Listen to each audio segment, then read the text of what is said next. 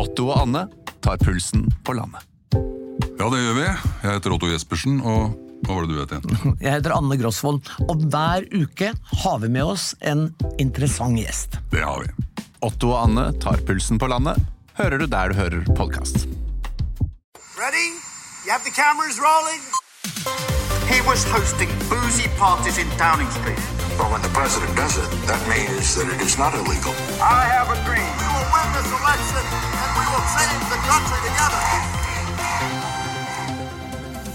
I declare before you all that my whole life, whether it be long or short, shall be devoted to your service and to the service of our great imperial family to which we all belong. Velkommen. Velkommen. Mitt navn er Sofie Høgestøl, Og mitt navn er Eirik Bergesen. Og dette er vår nokså uhøytidelige, veldig personlige forsøk på å gå bak ukas nyheter, lete etter sammenhenger, si noe om fremtiden, på jakt etter det store bildet. Sånn som vi ser det hver fredag. Hver fredag. Og uh, vi kan jo gå rett på det lille bildet. For det lille bildet i dag er jo at du og jeg uh, vi, vi hadde jo vår første engelskspråklige episode forrige uke. Vi var jo veldig spent på hvordan det ville bli mottatt, men vi syntes det var spennende å gjøre. Så vi tenkte at denne uken her så skulle vi liksom get back to basics. Vi skulle tilbake til å se på en del av de valgene vi følger, for det er ganske mange valg, spennende valg som skjer i verden akkurat nå. Det er Sverige-valget, ikke minst, som skjer til helgen. Eh, Vi skulle gjøre en dypdykk eh, inn i hva som skjer med mellomvalget i USA. Du har sett litt på valget i Brasil. Jeg har fulgt litt med på hva som skjer i Kenya. Eh, og så døde dronning Elisabeth i går. Så det, sånn ble det ikke.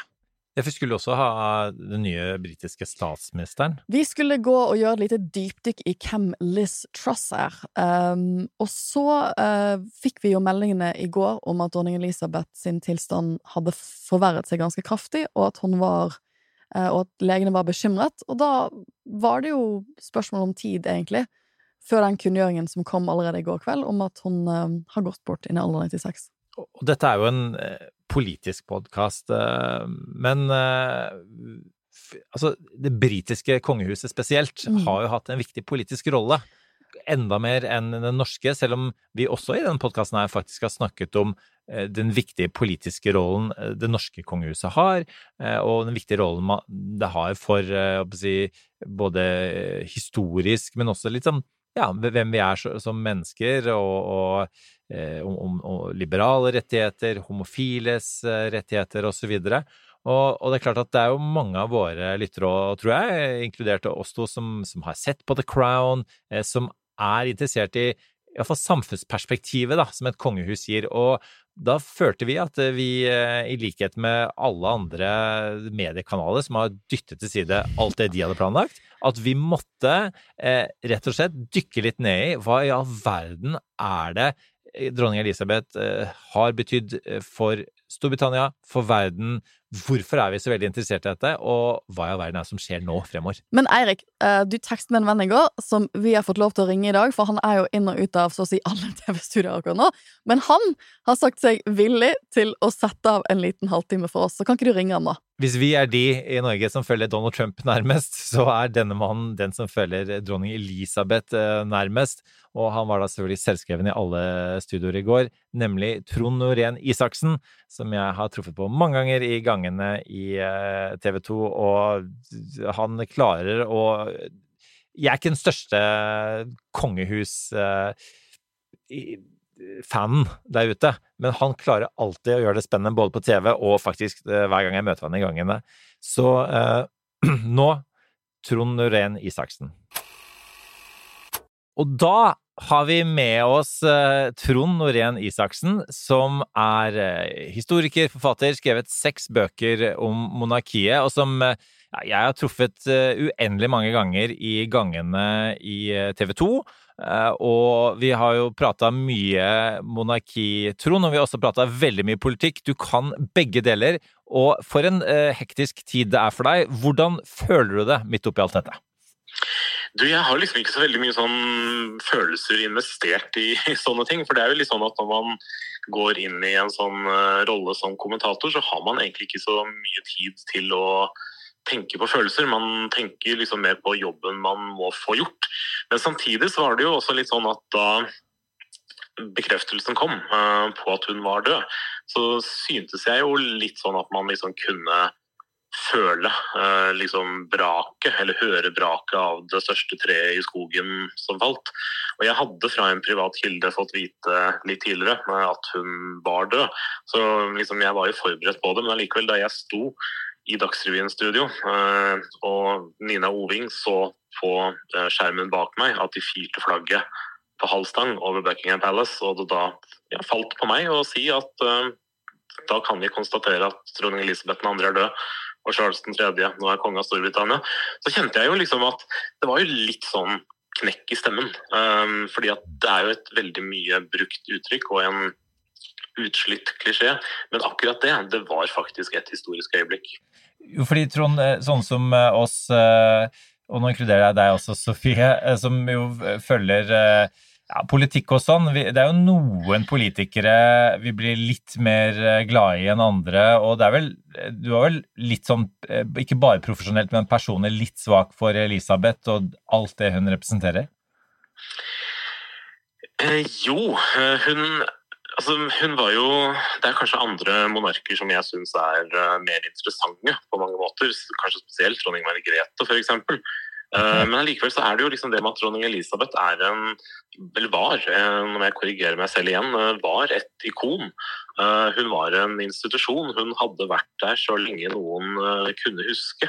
altså Man må være 75-77 år for å kunne huske at noen andre enn henne har vært monark i Storbritannia. Så jo, liksom, det, det, gjorde jo liksom et inntrykk, fordi at det var en så markant person. Og dette er jo snakk om Altså, denne kvinnen hadde vært verdens mest berømte menneske i 70 år. Det fins ikke et menneske i historien som har blitt fotografert så mange ganger som henne. Det fins antakeligvis heller ikke et menneske i historien som har møtt så mange mennesker som, hen, som hun gjorde gjennom sitt virke gjennom 70 år. Så det var jo virkelig liksom den følelsen av at det største treet i skogen uh, kollapset, og liksom også alt det som man kan si ble borte med henne. Og det er nok enda mer merkbart for britene, fordi at de er jo veldig opptatt av sin gloriøse historie, eh, som kanskje ikke alltid er så gloriøs, men briter er liksom oppdratt til at man alltid betrakter sin historie som gloriøs. Og dette var jo den siste linken til imperiet, eh, til krigen, til Churchill, eh, som brast i går kveld. Ja, for jeg underviste jo statsrett, altså grunnlovsrett, og denne uken så underviste jeg regjeringsskifte på tirsdag. Og det var jo ekstra morsomt for studentene, for da kunne vi liksom følge det britiske regjeringsskiftet eh, minutt for minutt idet Liz Truss skulle bli statsminister. Ja. Og så fulgte vi litt det mens vi liksom sammenlignet det med den norske prosessen for å bli statsminister. Eh, og så var det en av studentene mine, og studentene mine er jo hovedsakelig 20-åringer, norske 20-åringer. Så var det en av studentene mine som spurte sånn Hva tror du skjer? For jeg, det ble en diskusjon om hvorfor dette ikke skjedde i London, for det skjedde jo i Balmoral. Eh, de måtte jo fly Mm. inn til Balmoral. Um, og da sa jeg til studentene mine at jeg, jeg tror hun må være ganske dårlig hvis hun ikke har valgt, altså ikke kan være i London i dag. For dette er hennes viktigste funksjon som monark, er jo å utnevne en ny statsminister. Så det at hun, hun, hun har valgt å bryte med tradisjonen hun har satt de andre 14 gangene hun har gjort det, og gjør det i Balmoral, det må vi jo ta som et visst tegn. Og da var det en av studentene mine som spurte meg hva tror du skjer hvis han dør. Jeg kan ikke helt se det for meg at hun ikke skal være i live, eller ikke skal være der lenger.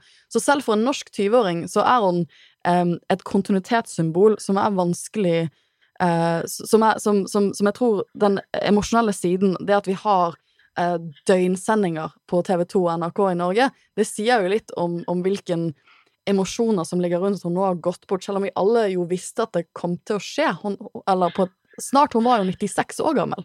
For du må ha forberedt deg på dette her siste årene, at denne muligheten ville komme nærmere og nærmere. Ja, jeg har vært forberedt på dette uh, veldig lenge. Um, også fordi at hun som du sier var 96 år, og det er jo ikke et uh, sjokk når en kvinne på nesten 100 år um, går bort.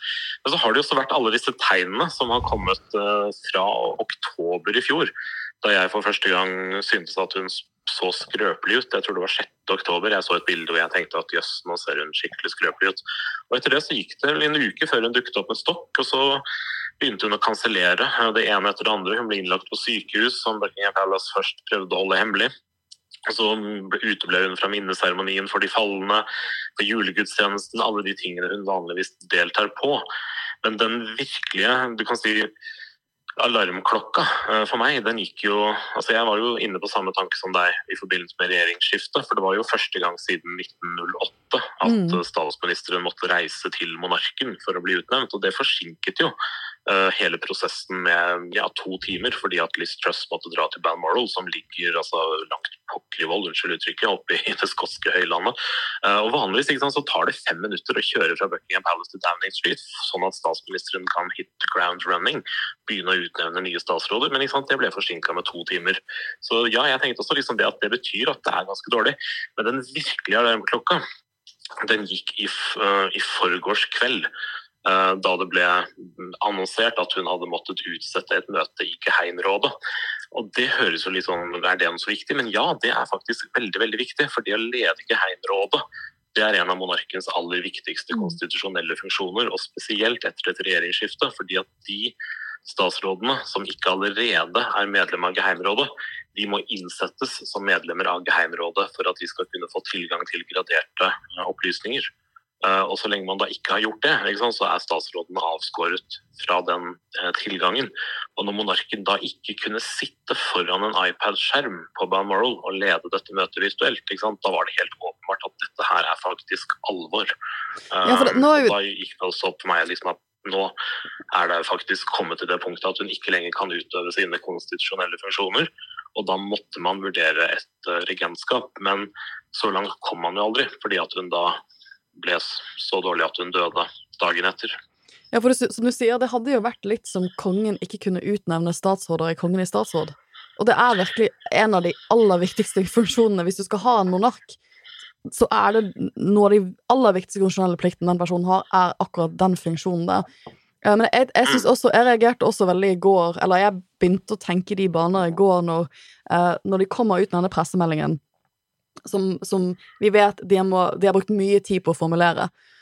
Uh, hvor de sier at uh, sant, vi, er, vi, vi, er, vi frykter for hennes helsestasjon, uh, men we're keeping her comfortable, var vel ordene de brukte mye i går. She's comfortable. Og jeg tenker sånn, Når du har en 96 år gammel person som du velger å ikke sende på sykehuset, og begynner å snakke om at she's comfortable, da er jo det et tegn på at man ikke tenker at det vil være en forbedring hvis man får den type medisinsk hjelp. Og det er jo talende i seg selv. Altså, det var jo helt åpenbart for meg da jeg leste den uh, pressemeldingen nå, så var det helt åpenbart at dette betyr at dronning Elisabeth er døende. Um, fordi at de hadde ikke sendt ut en sånn pressemelding. Altså, de er veldig tilbakeholdne med å gi eller var veldig tilbakeholdne med å gi informasjon om dronning Elisabeths helse. Og når de da sier uh, at uh, de er ikke sant, alvorlige bekymringer for dronningens helse, da betydde det at hun var døende. Og selvfølgelig, Hun hadde jo et, uh, altså et legeteam rundt seg bestandig, uh, som gjorde at hun kunne få en del medisinsk hjelp uh, hjemme, som du og jeg ikke kan få hjemme. Men det var jo også da det tegnet på at det ikke ble satt i gang noen prosess med å innføre et regenskap. Det sa jo også for meg at det, de anser ikke at det kommer til å bli nødvendig, fordi at dette kommer ikke til å vare. Og så var det jo også de tegnene sant, om at Prins William uh, plutselig uh, reiste av gårde til uh, Skottland samme dag som barna hans skulle begynne på ny skole. Prins Harry avbrøt sin reise i Tyskland, hvor han var for å forberede disse, eller på sånn forarrangement til dette Invictus Games, som jo er et sånn slags OL for krigsveteraner, som han har tatt initiativet til, og hastet av gårde til Balmoral. Og det sa jo også sant, at dette er akutt. Um, det er liksom et spørsmål om sannsynligvis timer kanskje dager. Så det kom da det skjedde. Så skjedde det relativt brått, kan du si. Men det hadde jo da vært veldig klare forvarsler um, en god stund. Men uh, jeg tror nå skal jeg komme med min, sånn, min take på, på forvarselet. Jeg, jeg bare slo Ja. meg da i, i går da vi måtte, hadde spilt inn et program som vi måtte skyve på. eh, norske tilstander om, om svenske tilstander. Eh, så ble det britiske tilstander som preget hele eh, dagen. Men det at hun da dagen før traff Liz Truss, nye statsministeren, den 15 eh, statsministeren i rekken. Det begynte vel med, med Winston Churchill. Og så Det gjorde eh, og, og da tenkte jeg kanskje ok, kanskje hun føler at nå er, er hennes iallfall da eh, konstitusjonelle plikter over for en stund, Og nå er det på en måte Nå er det hinderet borte, og da er det på en måte lettere å ja, legge seg ned og være comfortable, da, som, som det ble sagt. Tror du, hva, hva tror du det politiske verdien av det var for henne? Det er vanskelig å spekulere i, fordi vi vet så lite om hva som foregikk i Elisabeths hode, fordi hun holdt uh, kortene så tett i brystet. Men det man kan si ganske sikkert, det var jo at dette var jo også da et, uh, ja, et nytt uh, og et siste bevis på den plikttroskapen som hun alltid følte. At selv om hun da på det tidspunktet var faktisk på terskelen til døden, Um, så gjennomførte hun allikevel den plikten som hun måtte, så godt hun kunne. Og ja, hun måtte gjøre det, fordi at hvis ikke så måtte man utnevnt et regentskap. Og det er en mye større greie i Storbritannia enn i Norge. Vanligvis, hvis monarken er midlertidig inkapabel i Storbritannia, så utnevner man altså to riksforstandere. Som er Det skal være to av de fire første over 21 år i tronfølgen. Men de har veldig begrenset myndighet. De skal egentlig liksom bare strø sand på vedtak. De har ikke noe beslutningsmyndighet. De kan f.eks. ikke oppløse parlamentet. De kan ikke utdele adelstitler og sånne ting. Og da måtte man hatt et regentskap, og et regentskap har man ikke hatt i Storbritannia siden George 3. ble gal i 1811. Så hun måtte faktisk gjøre dette uh, så lenge det ikke var et regentskap, og så lenge hun var i live. Men man så jo uh, veldig tydelig at dette var en dame som ikke hadde det godt. Man kunne bl.a. se at fingrene hennes var helt kritthvite, eh, de to øverste eh, fingerleddene på hånda. Og hun hadde jo også et gigantisk sånn blåmerke på hånda, som hun jo har hatt flere ganger før, men som man kan få når man er gammel fordi huden er tynn og man får lett blåmerker også, men som også ofte er et tegn på kanyler fra intravenøse um, slanger. Um, så altså, hun gjorde dette her liksom, mens hun faktisk sto på terskelen til døden. Um, det var jo liksom, det siste beviset på hvor alvorlig hun tok uh, sin plikt. Og det var jo en venn av meg som skrev til meg i går kveld, og det syns jeg var ganske fint sagt, at det var jo faktisk litt sånn spesielt å tenke på at en person som gikk på jobb i 1952, hadde sin siste arbeidsdag i går. Mm. Absolutt. Eh, men hvis du, eh, du sier, eh, Trond, at man, man, vet jo ikke helt hva som foregår inni hodet hennes, for hun har holdt kortene så tett til brystet. og, og jeg vet ikke om det var du som sa det i går, men dette med at hun er på det verdens mest berømte person, men vi vet samtidig veldig lite om henne fordi hun aldri har latt seg intervjue, f.eks. Men så har det vært ulike spekulasjoner. Hvis du kan hjelpe oss litt med de spekulasjonene. Hvilke Eh, statsministre av de 15 tror du hun likte best eh, og dårligst? Det er noen indisier på det, er det ikke det?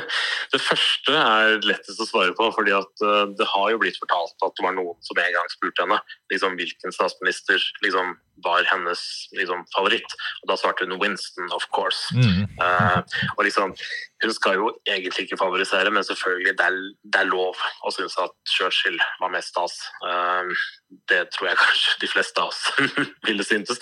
Ikke bare fordi at han var Altså selvfølgelig, Han var en problematisk personlighet på mange måter. Uh, hans rasisme og imperialisme har jo også blitt kraftig kritisert uh, de siste årene. Men allikevel, når alt kommer til alt, så reddet Churchill Storbritannia. Og han var jo en larger than life uh, figure på en helt annen måte enn noen andre. Men hvem vi likte dårligst, det er det nok lenge til vi får, får, vite, for å si det sånn. Men hun hadde jo noen litt sånn overraskende favoritter. Altså hun kom f.eks. veldig godt overens med Harold Wilson. Um, Harold Wilson var jo ganske venstreorientert uh, Labour-politiker. Han var hennes første Labour-statsminister i to omganger. Og han var jo egentlig ikke noen sånn supermonarkist, kan du si, men han, var, han kom veldig godt overens med henne. Um, og man har jo også selvfølgelig hatt veldig mange spekulasjoner om hvordan forholdet til Margaret Thatcher var. Det har jo blitt viet en hel episode av The Crown. Og Der hadde man jo også den episoden i 1986 hvor uh, Sunday Times, det var vel dagen før bryllupet til Chris Andrews, tror jeg uh, hadde en stor sak om at dronning Elisabeth var kritisk til Margaret Thatcher. Uh, og Dette førte jo til et ganske sånn oppvask, og det kom vel etter hvert fram at det var pressesekretæren på Buckingham Palace som hadde tatt uh, munnen litt for full. og kanskje snakka litt for fritt over på Sunday Times, og at ikke hun nødvendigvis sto helt inne for det. Men så var det jo en av hennes eh, personlige venner som eh, tok mot til seg en gang og spurte liksom ja, hvordan kommer du egentlig overens med Mrs. Thatcher? Og da sa dronning Elisabeth at du stiller de mest impertinente spørsmål. Så sa hun liksom at jo da, de kom godt overens, men i likhet med alle statsministre, så vil hun ikke lytte, sa dronning Elisabeth om uh, Margaret Thatcher.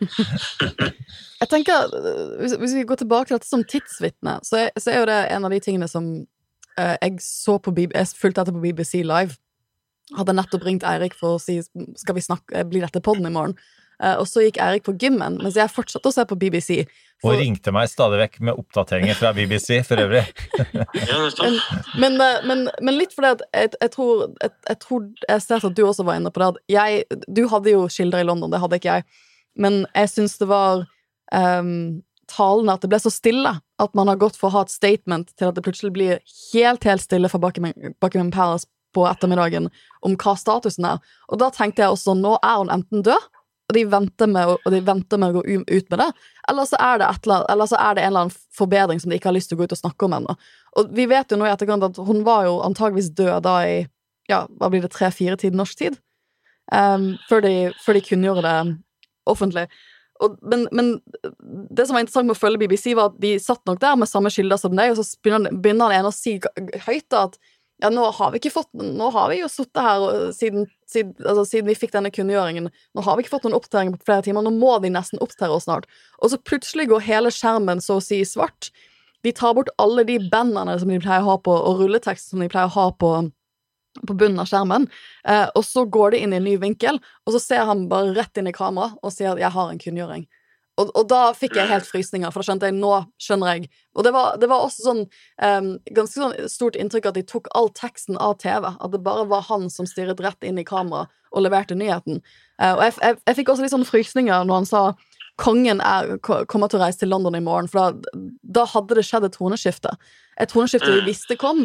Um, ja. Men hvis vi tilbake til dette med sånn tids, tids, tidsvitne, at, at, du har en person som ble født på 20-tallet som har vært vitne og vært en så viktig aktør i så mye um, europeisk historie og, og, verdenshistorie i nyere tid, har nå gått bort. Mm. Ja, for det gjorde jo et, uh, et sterkt inntrykk. Jeg, har, jeg, så jo ikke BBC direkte, for jeg sto jo i studio hos Dagsrevyen. Det er problemet å stå i studio, du får ikke sett sånne ting direkte. Liksom ser, altså det var jo Hugh Edwards, som jo er en av de virkelige veteranene i uh, BBC, som uh, kunngjorde det. Og man så jo liksom også på han at uh, dette var noe som um, gjorde inntrykk på han.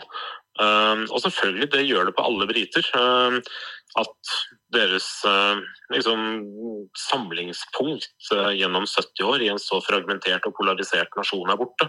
Og jeg tenkte litt på at For noen år siden så var jeg på teater i London og så et skuespill som het King Charles the Third. Som forestilte seg da liksom en konstitusjonell krise som oppsto når Charles ble konge. Og dette var jo da eh, selvfølgelig fiksjon. Det var laget som et Shakespeare-stykke eh, på rim eh, med et spøkelse, selvfølgelig, som da var Diana. Um, men det var det en scene hvor etter begravelsen så gikk prins Harry på byen. Um, og vandret litt rundt i London og endte opp hos en kebabselger som ikke kjente ham igjen. Og denne kebabselgeren sa da til prins Harry at etter at hun døde, så vet vi ikke hvem vi er lenger. Og det tenkte jeg den gangen mm. at det er antakeligvis en ganske presis beskrivelse av hvordan britene kommer til å føle det når hun er borte.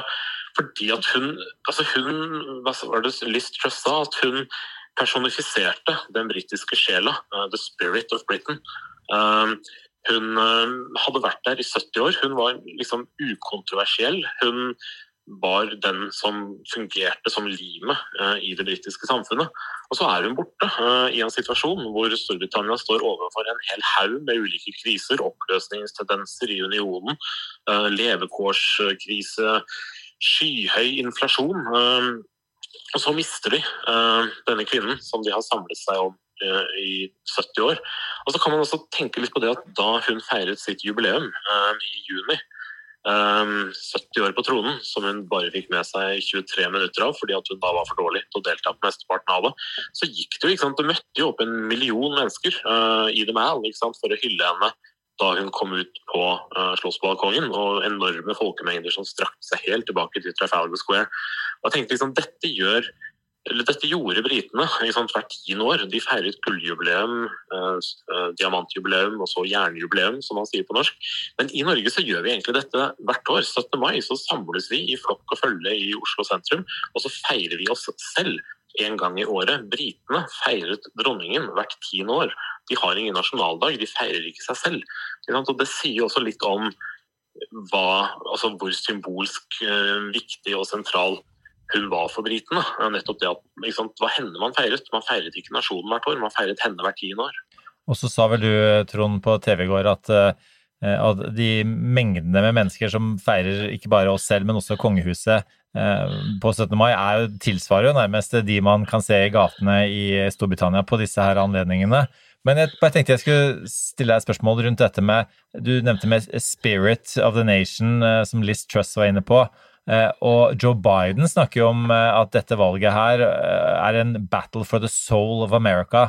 Og så er det sånne politiske analytikere som, som meg og Sofie, vi ser på inflasjonstall og strømpriser og mye sånne veldig konkrete ting, men, men, det er jo noe med enhver en, nasjon altså dette liksom sjelslivet da, til, til, til enhver nasjon som er sånn uangripelig, som, ja, sånne størrelser som, som en, en, kongefamilie faktisk, det er jo kanskje en av grunnene til at vi har de, eh, kan være med å, å, måle og representere. Kan ikke du bare, bare si litt mer om, om, om, hva den spiriten var, og hva den vil være nå fremover? Ja, Det er jo et uh, veldig stort tema. og uh, det er jo sånn at Når en dronning dør, så er det lov å snakke litt i floskler, som, uh, som Liz Truss også gjorde. Liksom det handlet jo liksom om 'this great nation' og at hun var liksom, klippen som denne nasjonen ble bygd på. og sånne ting, og Det er jo litt sånn det er litt overord, kan du si. At det var ikke hun som gjorde Storbritannia til en great nation, egentlig. Men liksom det er lov å si det. Uh, den dagen uh, dronningen er død, så kan man liksom tillate seg å slå litt på stortromma. Men, men, hun speilet altså, noe av det, Trond, gjør hun ikke det? Hun speiler, er, er som et speil opp gjennom tidene. Det er nettopp det hun gjør, for at hun spilte, eller gjorde. Uh, hun hadde jo ingen aktiv rolle i britisk politikk. Det er ingen som helst samfunnsutvikling som egentlig kan tilskrives dronning Elisabeth med andre. Men nettopp du sier at hun speilet samfunnet utviklinga, og hun hadde sant, vært der så lenge at uh, nasjonens moderne historie så å si var oppsummert i henne. Um, og det er vel liksom det som er litt av, eller en av årsakene til liksom at det føles så voldsomt uh, for britene at hun er borte. Fordi at en så stor del av deres historie kan du si, forsvant, eller forbindelsen til historien gikk gjennom henne. Og at man da liksom mistet uh, kanskje liksom følelsen til den, det som britene Eller tilhørigheten til det som britene oppfatter som en ærerik um, fortid. Um, og den er jo liksom en utbredt oppfatning i Storbritannia at uh, Storbritannia vant andre verdenskrig mer eller mindre alene med den ene hånda bundet på ryggen og litt hjelp fra amerikanerne. Det er liksom den utbredte uh, britiske tolkningen av andre verdenskrig. Og vi andre vet jo at det var jo i all hovedsak USA og Sovjetunionen som uh, vant andre verdenskrig. Men uh, selvfølgelig Churchill var veldig viktig fordi at han holdt kampen i gang sant, i 1940-1941, før Sovjet og USA um, kom inn. Men etter det så var det jo i hovedsak de som sto for de, altså for de virkelig store bidragene. Men for Storbritannia så, sant, så hadde man da solte man seg også litt i glansen av henne. fordi at hun var jo ikke bare verdens mest berømte menneske, men hun var jo også verdens mest respekterte statsoverhode. I hvert fall siden kong Juan Carlos nesten bokstavelig talt skjøt seg selv i foten uh, for uh, nesten ti år siden. Uh, og liksom, Det var jo en litt sånn egen glans rundt henne.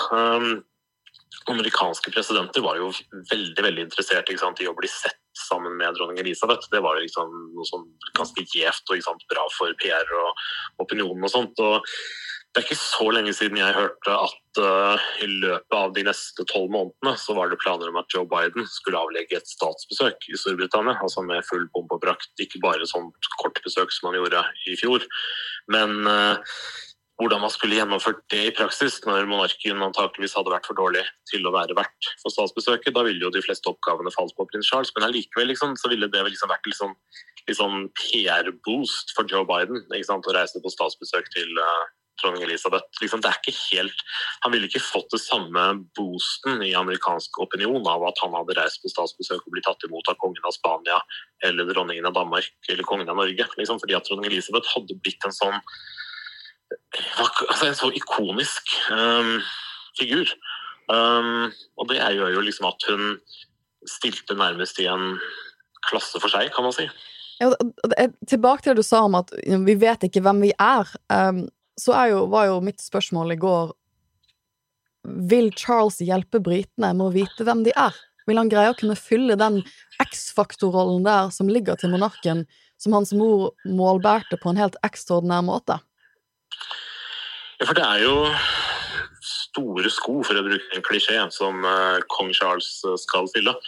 Og det er jo selvfølgelig en veldig vanskelig situasjon på flere måter.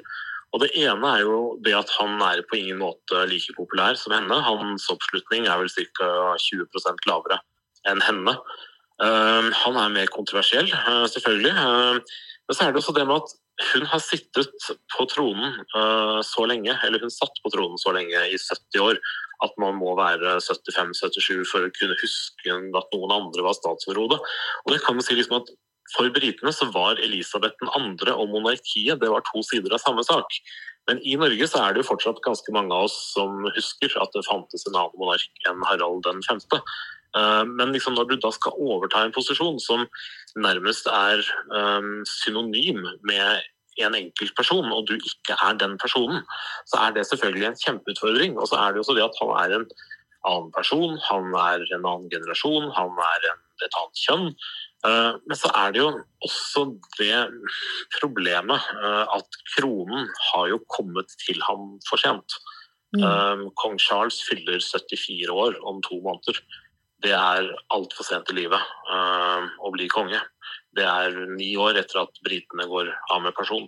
Um, det er sånn at det britiske monarkiet trenger en del reformer, en del modernisering.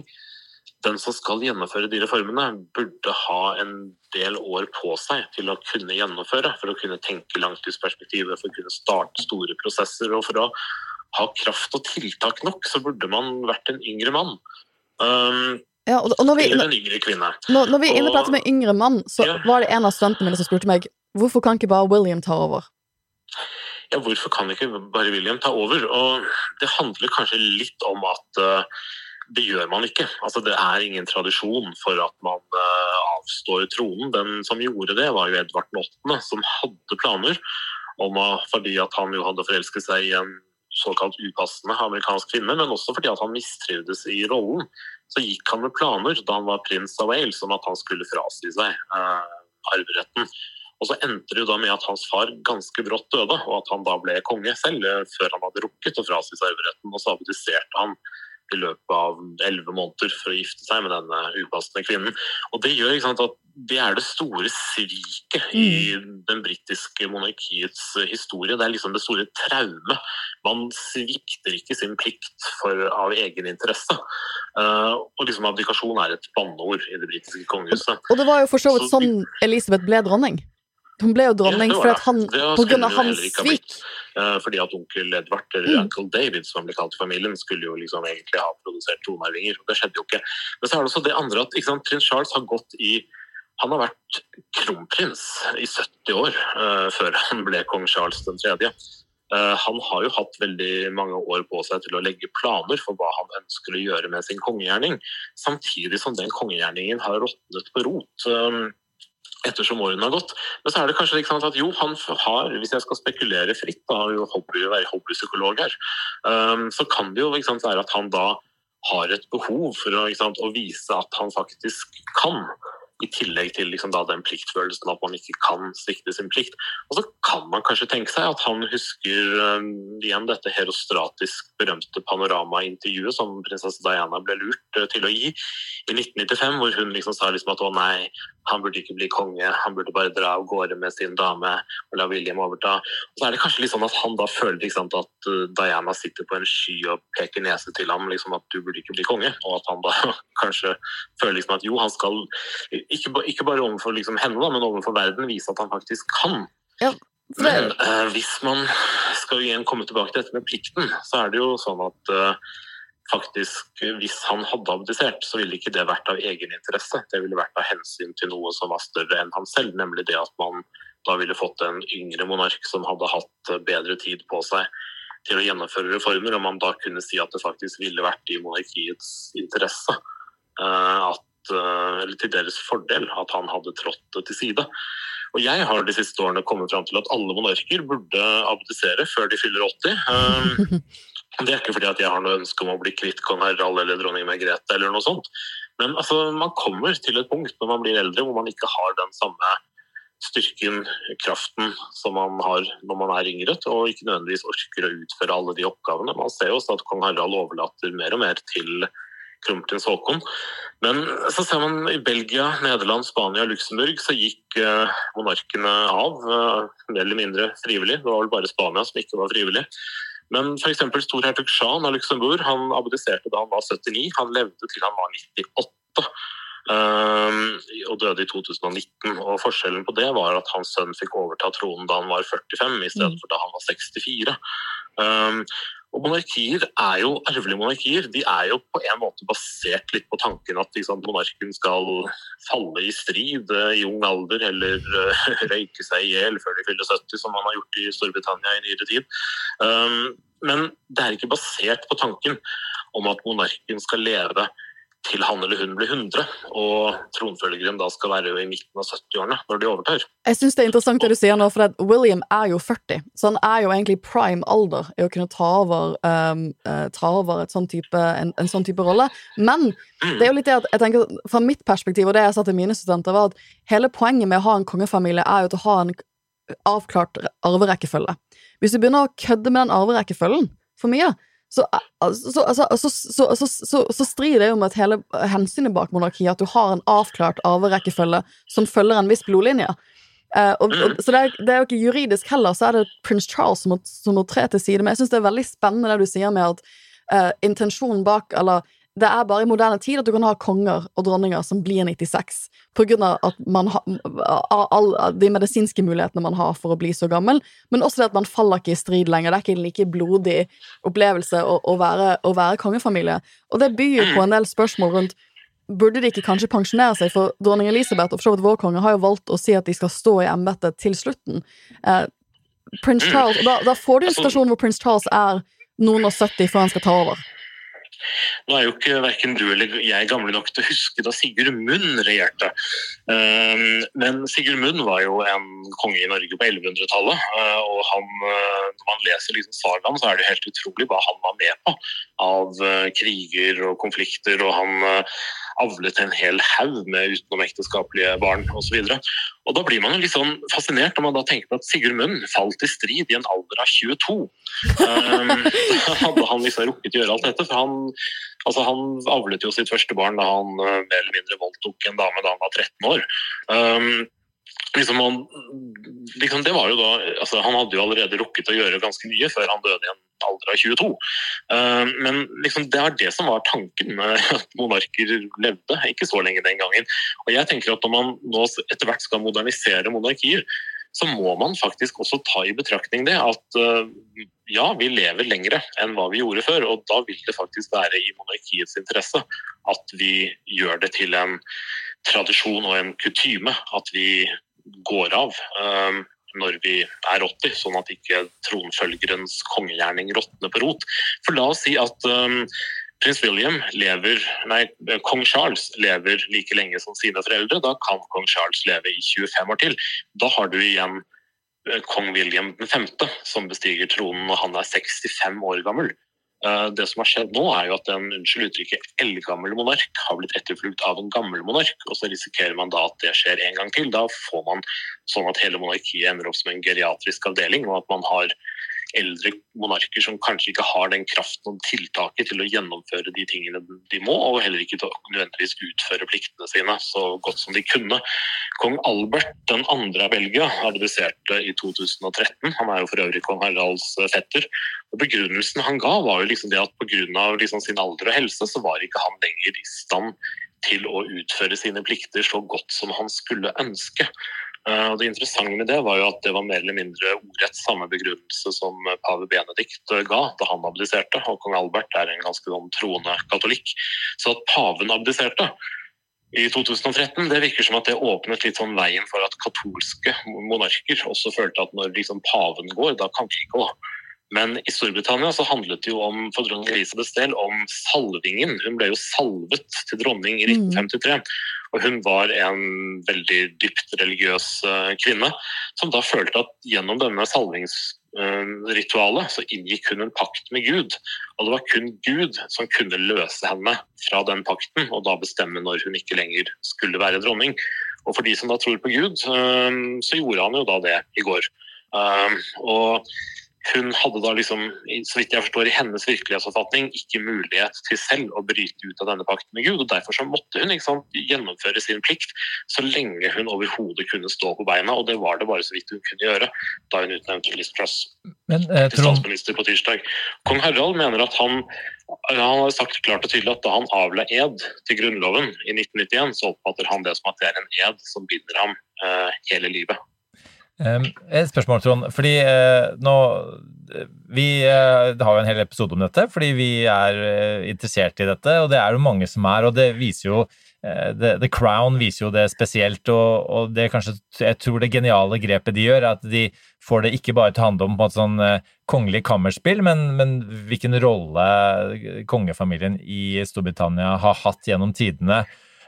og og så snakker du om det geriatriske kongelige, men så er det selvfølgelig lett å da stille spørsmål om ikke hele institusjonen er geriatrisk, eh, og om den lar seg modernisere bare ved å ha yngre folk ved roret. Eh, kan ikke vi, hvis vi skal prøve å avrunde litt her, eh, kan ikke du bare si litt om, om fra ditt ståsted, da, som jo tross alt er interessert også i, i det politiske i alt dette,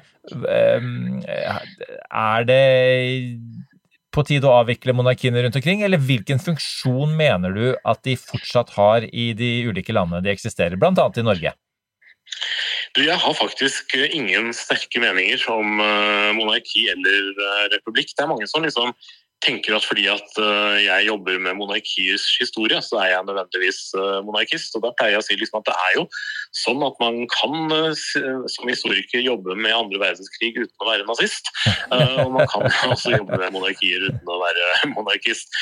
Og for meg så er egentlig ikke det en sånn problemstilling som, som jeg har noen sånn sterke meninger om. Altså jeg som historiker forholder meg til det faktum at man har og har hatt en institusjon, og det er historisk interessant.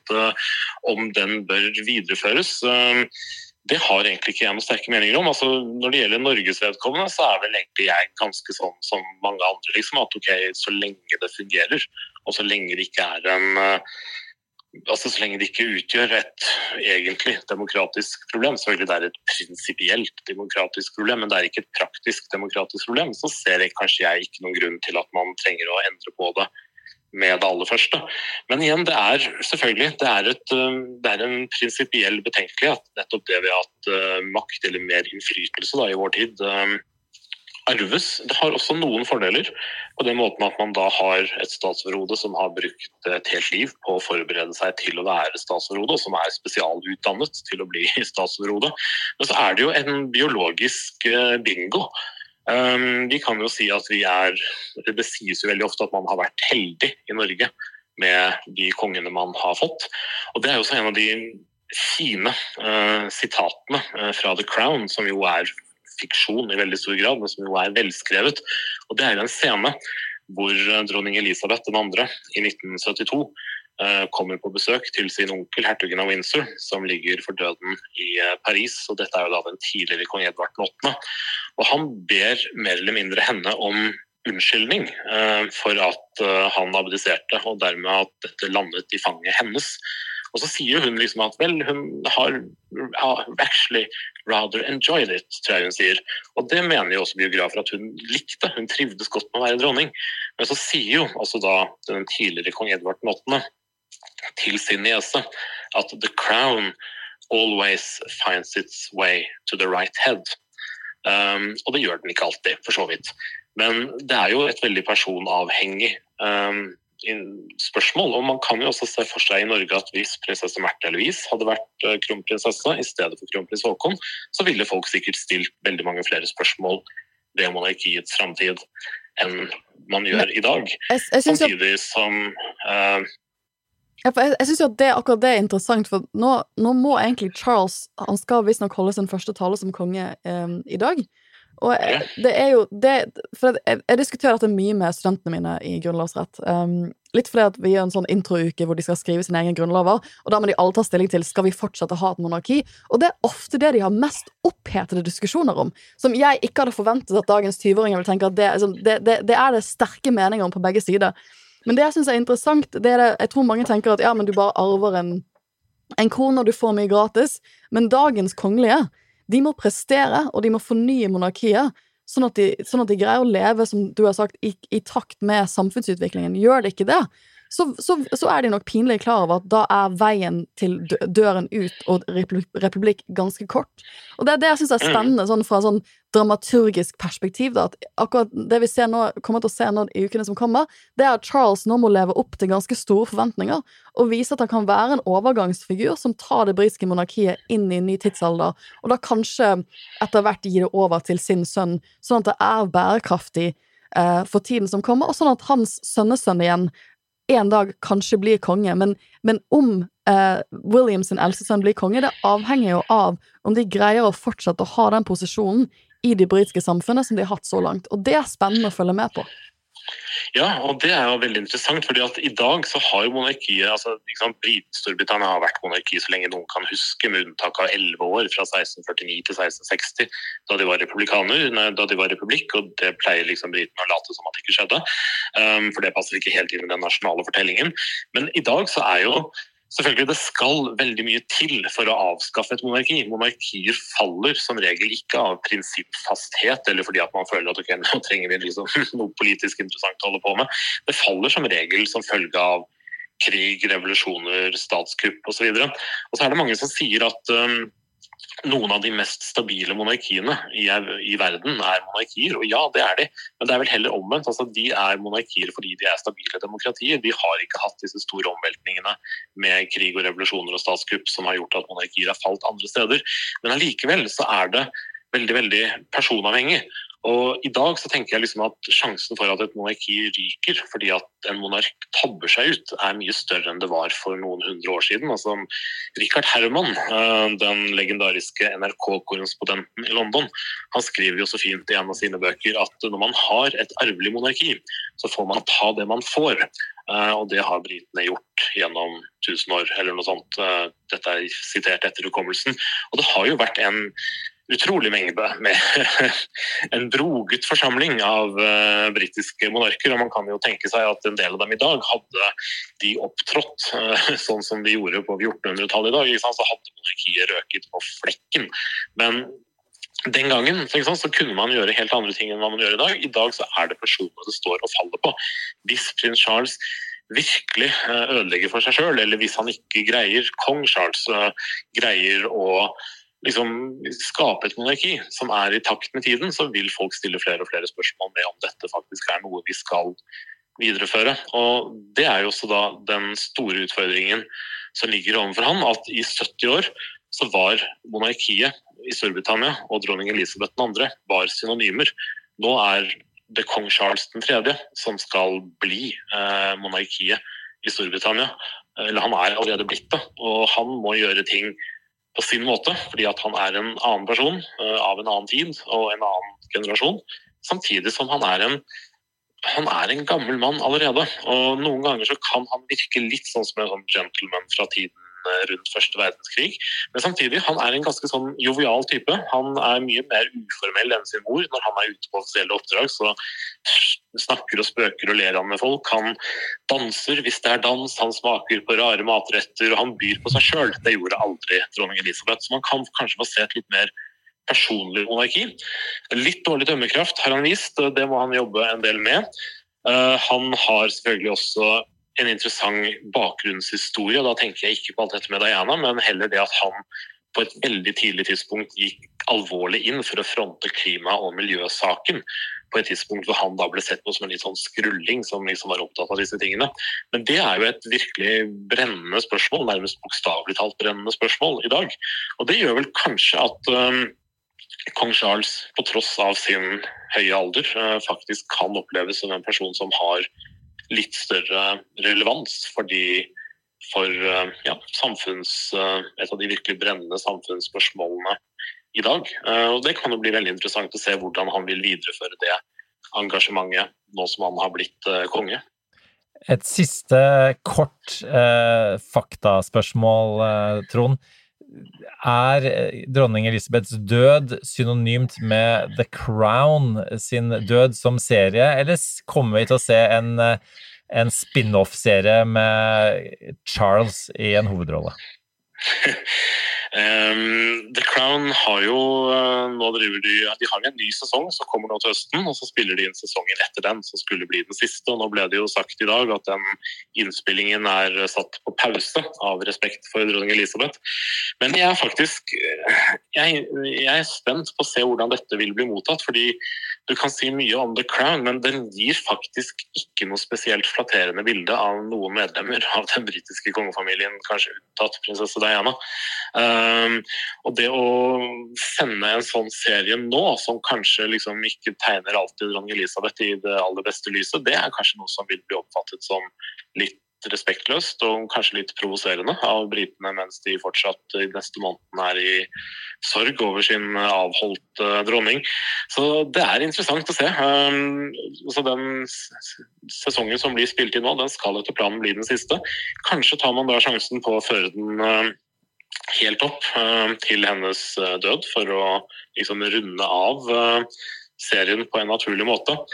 Men uh, det får du egentlig nesten heller uh, spørre Netflix om enn uh, en meg. Men jeg kan tenke meg liksom at de må kanskje sette ting litt De må kanskje skyve ting litt ut i tid, fordi at å slippe en litt negativ portrettering i dramaform av det britiske kongehuset akkurat nå, det kan kanskje faktisk backfire litt for Netflix og The Crown, vil jeg tro.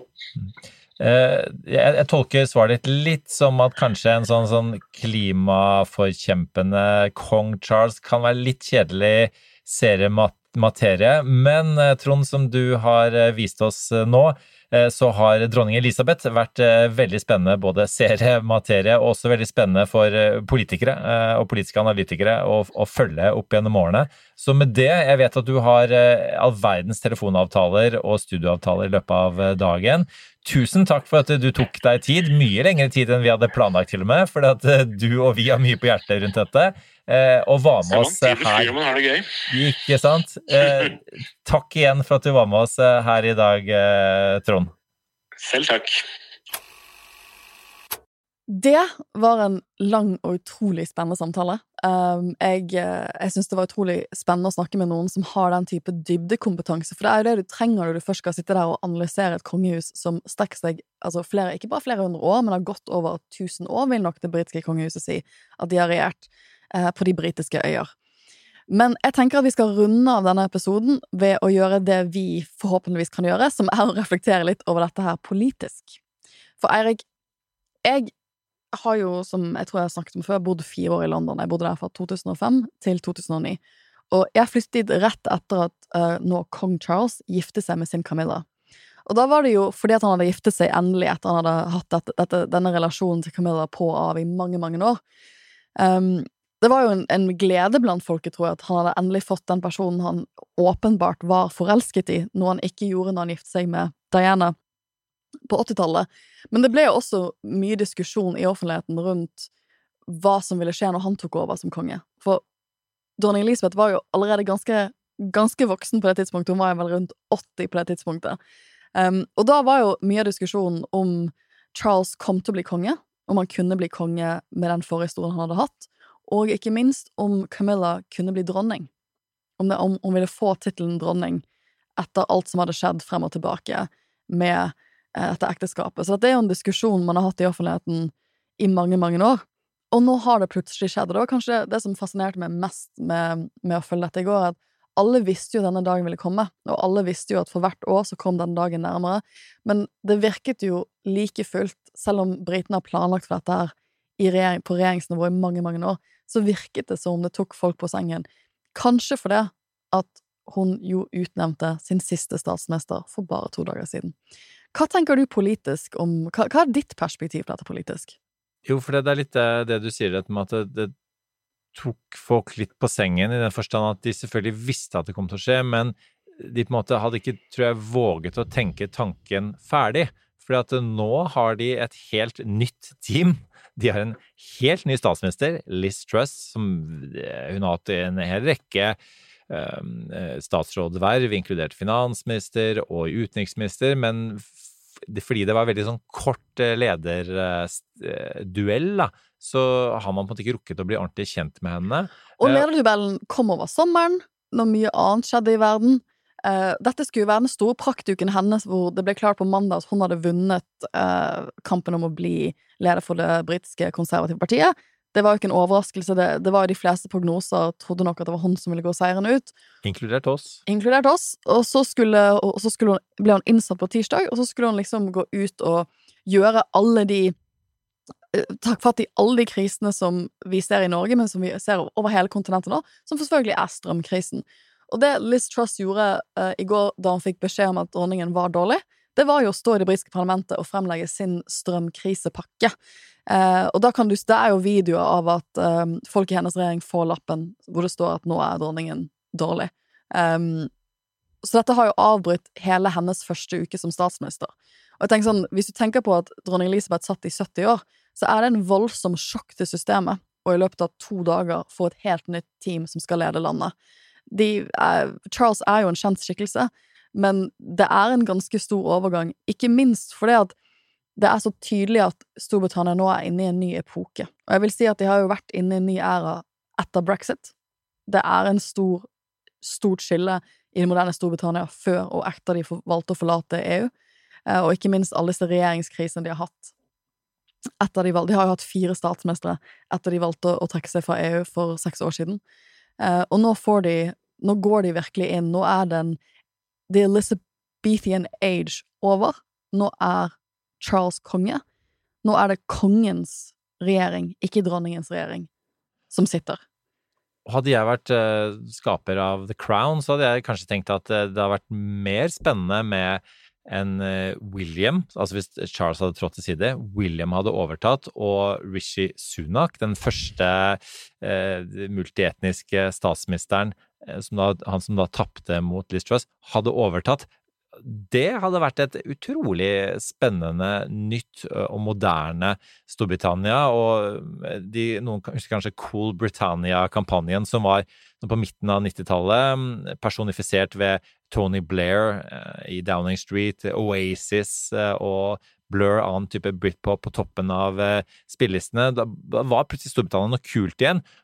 Så har det blitt både noe ikke bare gammelmodig og umoderne, men altså rett og slett litt sånn politisk akterutseilt, eh, hele brexit-diskusjonen. Man har på en måte eh, meldt seg litt sånn ut av Europa eh, med det påskuddet om at, at nå kan de bestemme mer over sin Take egen framtid. Ja, og det, og det, motsatte skjer jo. Det ser vi med Norge. Som, som eh, når vi ikke er med i EU, så Nei, vi, vi, er ikke med å bestemme. Vi må da tilslutte oss eh, ting eh, som, som, andre har bestemt i møter vi ikke har vært på. Så, så, det som Hvis du går tilbake til dronning Elisabeth, som da overtok på begynnelsen av 50-tallet, rett etter at Var det 52? da Storbritannia hadde ja, mer eller mindre Trond var jo litt inne på Han, han um, nyanserte litt bildet om at det var Storbritannia alene som hadde vunnet krigen, men uh, man hadde den følelsen. Ikke sant? Du hadde uh, Churchill uh, satt ved makten, og, og, du hadde på en måte en sånn en, en helt annen type glory da, rundt Rule Britannia osv. Og, så og nå er det et helt annet et helt annen nasjon. Samveldestatene. Det rakner virkelig. Det blir veldig spennende å følge Storbritannia fremover. Det er, det, det er en helt annen nasjon. spennende, for jeg syns det var litt symboltungt at dronningen døde i Skottland, all den tid en av de store tingene som er på blokken, som vi kanskje ikke snakker nok om i Norge, det er jo oppløsningen av den britiske unionen. Kommer de til å fortsette å være ett forent Storbritannia? Um, og det er klart at skottene har jo vurdert å trekke seg ut ganske lenge. Dette det er jo ikke en ny diskusjon. Men det er noe annet å tenke at det er Charles som skal være din statsleder, ditt statsoverhode utad, istedenfor dronning Elisabeth. Han har ikke samme tyngde, og som Trond var inne på, han har ikke så mange år på å få den tyngden. Nå skal det sies at det er nok mange som har sagt de siste timene at selv om han ikke har vært like høyt elsket som, som sin mor, og til tider vært ganske kontroversiell, så er det jo et eller annet med at nå vil han være konge, det vil gi han en naturlig tyngde, for han har embet. Han har jo vært en litt sånn um, komisk karakter i det at han har gått rundt og ventet på dette her også som, altså Han jo, ville jo vært pensjonist i Norge, han ville vært tvangspensjonert hvis han jobbet for den norske stat. Um, men han har, liksom gått, har, brukt hele sitt voksne liv på å vente på å, å skulle ikle seg den rollen. Og da blir man litt sånn tragikomisk når man går og venter så lenge. Men nå vil han jo få den symboltunge effekten av å være konge, og kanskje det vil øke oppslutningen hans. Men det er vanskelig å tenke seg at han kan bli like høyt elsket som, som sin mor. Som Trond var inne på, for han har ikke så mye tid. Og da er det ikke bare The, the great, great Britain som spriker. Det er også et stort spørsmål om en del av de landene som har valgt å beholde den britiske kongen, eller dronningen, som sitt statsoverhode. Altså The Commonwealth, disse landene som fortsatt uh, har uh, den britiske kongefamilien som sin kongefamilie. 56 land. Ja, om, veldig, veldig mange. Om de kommer til å fortsette å ville være i en sånn type union, når det ikke lenger er Elizabeth. For en av de tingene som dronningen har vært veldig opptatt av, har vært The Commonwealth, og har vært å, å holde og, og, gjennom The Commonwealth egentlig prøve å bevare noe av Storbritannias globale posisjon. For det vi egentlig ser, er jo at Storbritannia siste årene som har vært på søk etter seg selv. De skal ikke være en del av EU. De higer tilbake til denne stormaktstiden, når de var når, liksom, når, når, når, det man sa at you know, the sun never sets on the British Empire, for de var et så stort imperie. Men det er de jo ikke lenger. De er en mellomstor makt i verden. Og det, det er en hard Norge har jo alltid vært et lite land, så for oss er ikke det så vanskelig å, å det, det, det, er en del av vårt, uh, vårt, bilde som nasjon. Men for Storbritannia, den overgangen de har vært de siste under Elisabeth, da, for et ganske for et, for et, for et, for et reelt sett et stort empire, til å være det de er i dag, stå utenfor EU og med en internunion som spriker, hvor du har Skottland som vil ut. Og det er så snakk om altså, Vil de andre delene av Storbritannia holde seg i unionen? Det er et åpent spørsmål. Eh, det er, helt, det er en helt, annen stasjon som han skal nå gå inn og prøve å være statsoverhode for, og det er ikke en liten oppgave. Nei, og, og så er det noe med at uh, igjen, man kan si hva man vil om, om uh, kongehuset. Vi har ikke hatt noen stor monarkidebatt her i dag. Vi tar liksom utgangspunkt i at det, det, faktisk finnes, liksom som Trond sier, og så må man prøve å analysere det. Men det er klart at uh, mens i Norge så har på en måte ja, kanskje paradoksalt nok, da, så har en, spesielt en kong Harald eh, oppført seg som nesten som en vanlig person. Eh, dette var vel Trond som sa på Dagsrevyen i går at eh, vi føler vi kjenner han på en eller annen måte. Vi vet faktisk at han er, han er morsom, mens, mens, alt rundt dronning Elisabeth er mye mer tilslørt. Han gir, har gitt mange intervjuer, hun har ikke gitt noen.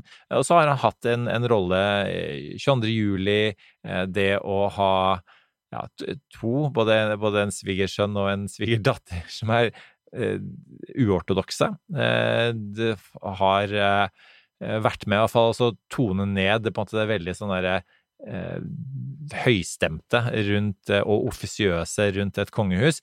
Men det som er en stor forskjell der, er jo nettopp at Storbritannia spesielt da, er et klassesamfunn, mm. og at kongefamilien representerer helt åpenbart overklassen.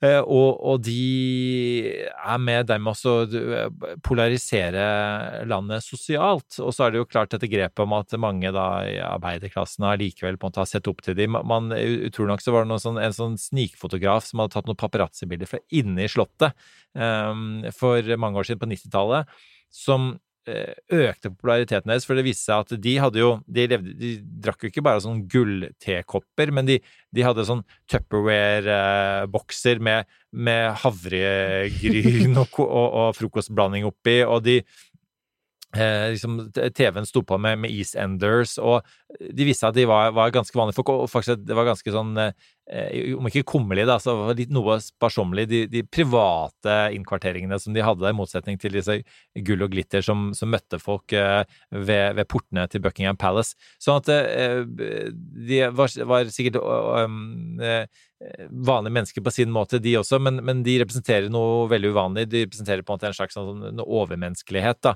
som da norske kongehuset ikke gjør. Og det tror jeg kommer til å bli en kjempeproblem fremover i Storbritannia, gitt at the cost of living crisis, som de snakker masse om, ja. er helt åpenbar. Og krigen i Ukraina, energikrise osv. Folk har fått det mye, mye verre. Og det, og det som er interessant med dronningen fra et sånt internasjonalt perspektiv, var hvor viktig hun ofte var som en sånn eh, samarbeidspartner til den sittende statsministeren. Sånn, hvis, du ser, hvis, du hadde en eller annen eh, Hvis du så at Storbritannia slet med internasjonalt samarbeid eller sitt rykte i verden, så var det å sende dronningen på en liten turné.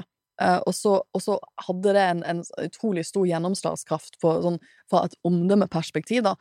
Eller som Trond var inne på, eh, folk blir jo helt, altså, faller over seg av sjansen for å bare møte dronningen. Eh, det er ikke mange personer Donald Trump har vært interessert i å møte og avbildes med, men dronning Elizabeth er jo en av dem. Og han kom jo ut med et lang et statement i går om hvor uh, overlei seg han var for at hun hadde dødd. Hun, hadde, hun nøt den type respekt som veldig få andre personer gjør, og hun hadde en evne at hvis du fikk en invitasjon som en utenlandsk statsleder fra dronningen, så, så kom du på besøk til Storbritannia. Vil Charles kunne hjelpe den sittende statsministeren nå til å navigere uh, Storbritannias rolle i verden på samme måte. Det er jeg veldig spent på å se uh, om kommer til å fungere. Ja, og, og, og eh, det, for å avslutte med det, da. Hvor, uh, hvordan er det Liz Truss kommer til å regjere fremover?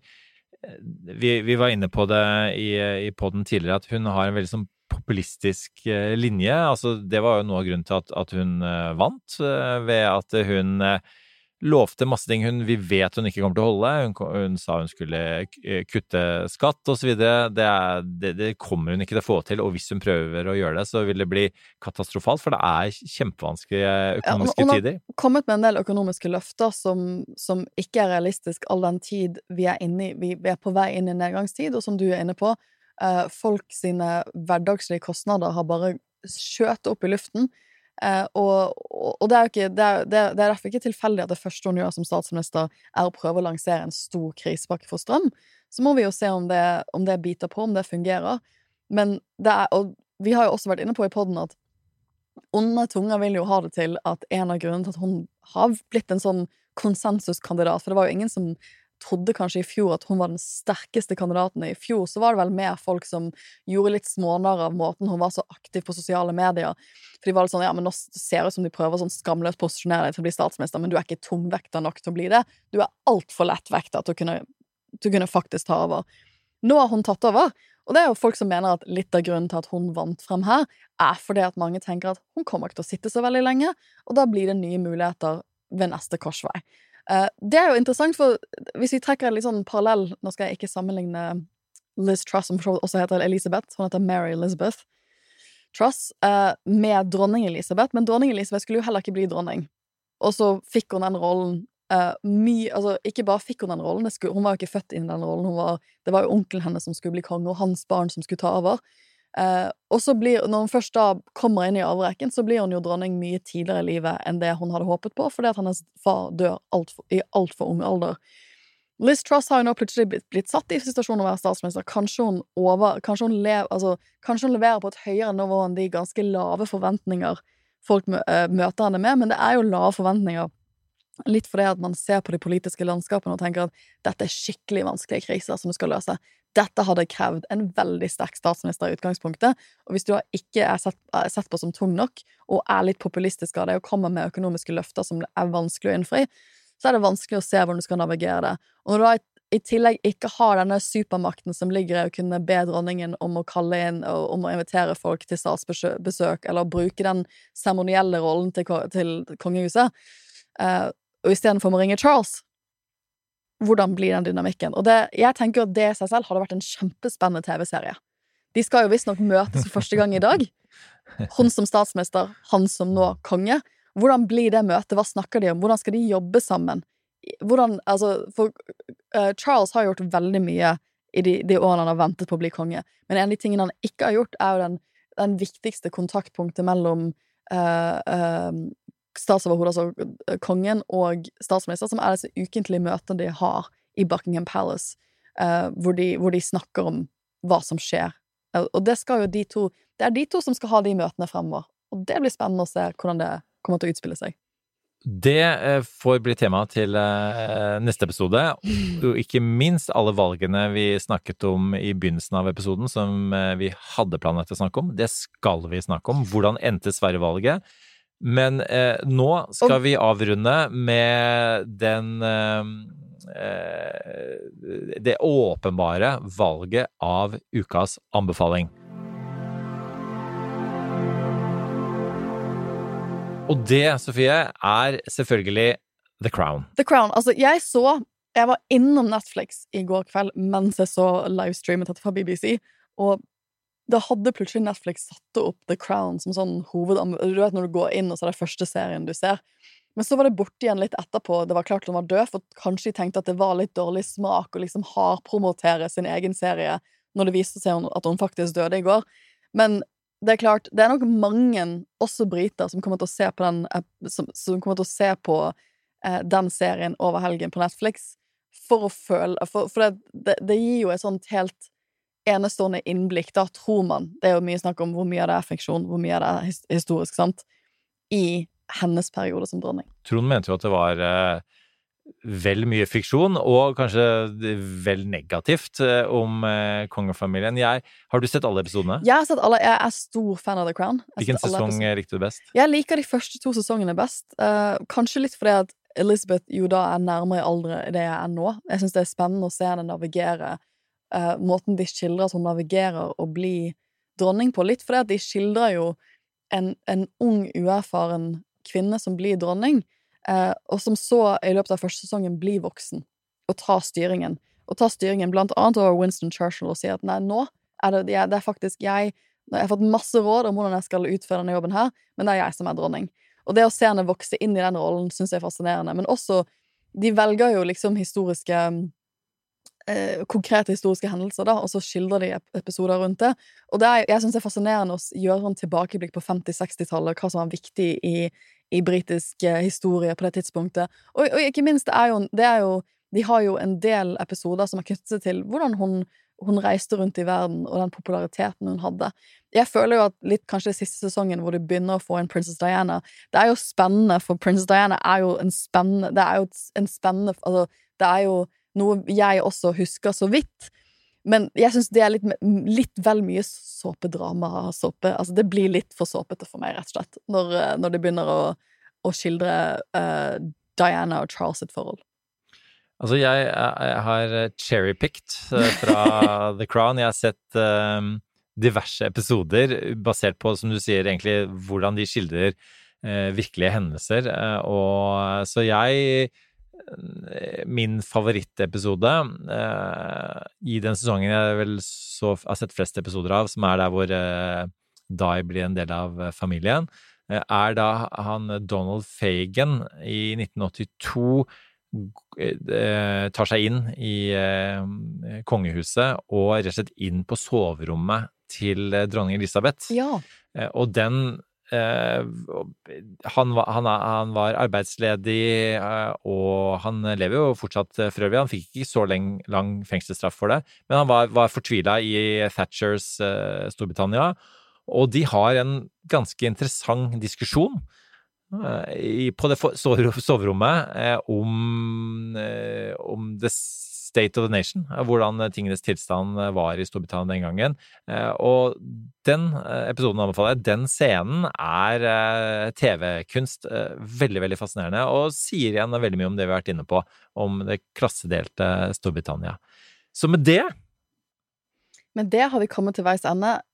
Kjære lytter, vi lover at nå begynner USA-valget å nærme seg for fullt. Sant? Vi har snakket mye om at vi, denne podden her kommer jo mer og mer utover høsten til å bli en ren mellomvalgspodd. Men da må jo andre store ting i verden slutte å skje. Men neste uke så lover vi at vi kommer til å gjøre en skikkelig ordentlig gjennomgang av hva som er statusen i mellomvalget, og se litt på hva som har skjedd i de andre valgene som vi følger andre steder i verden.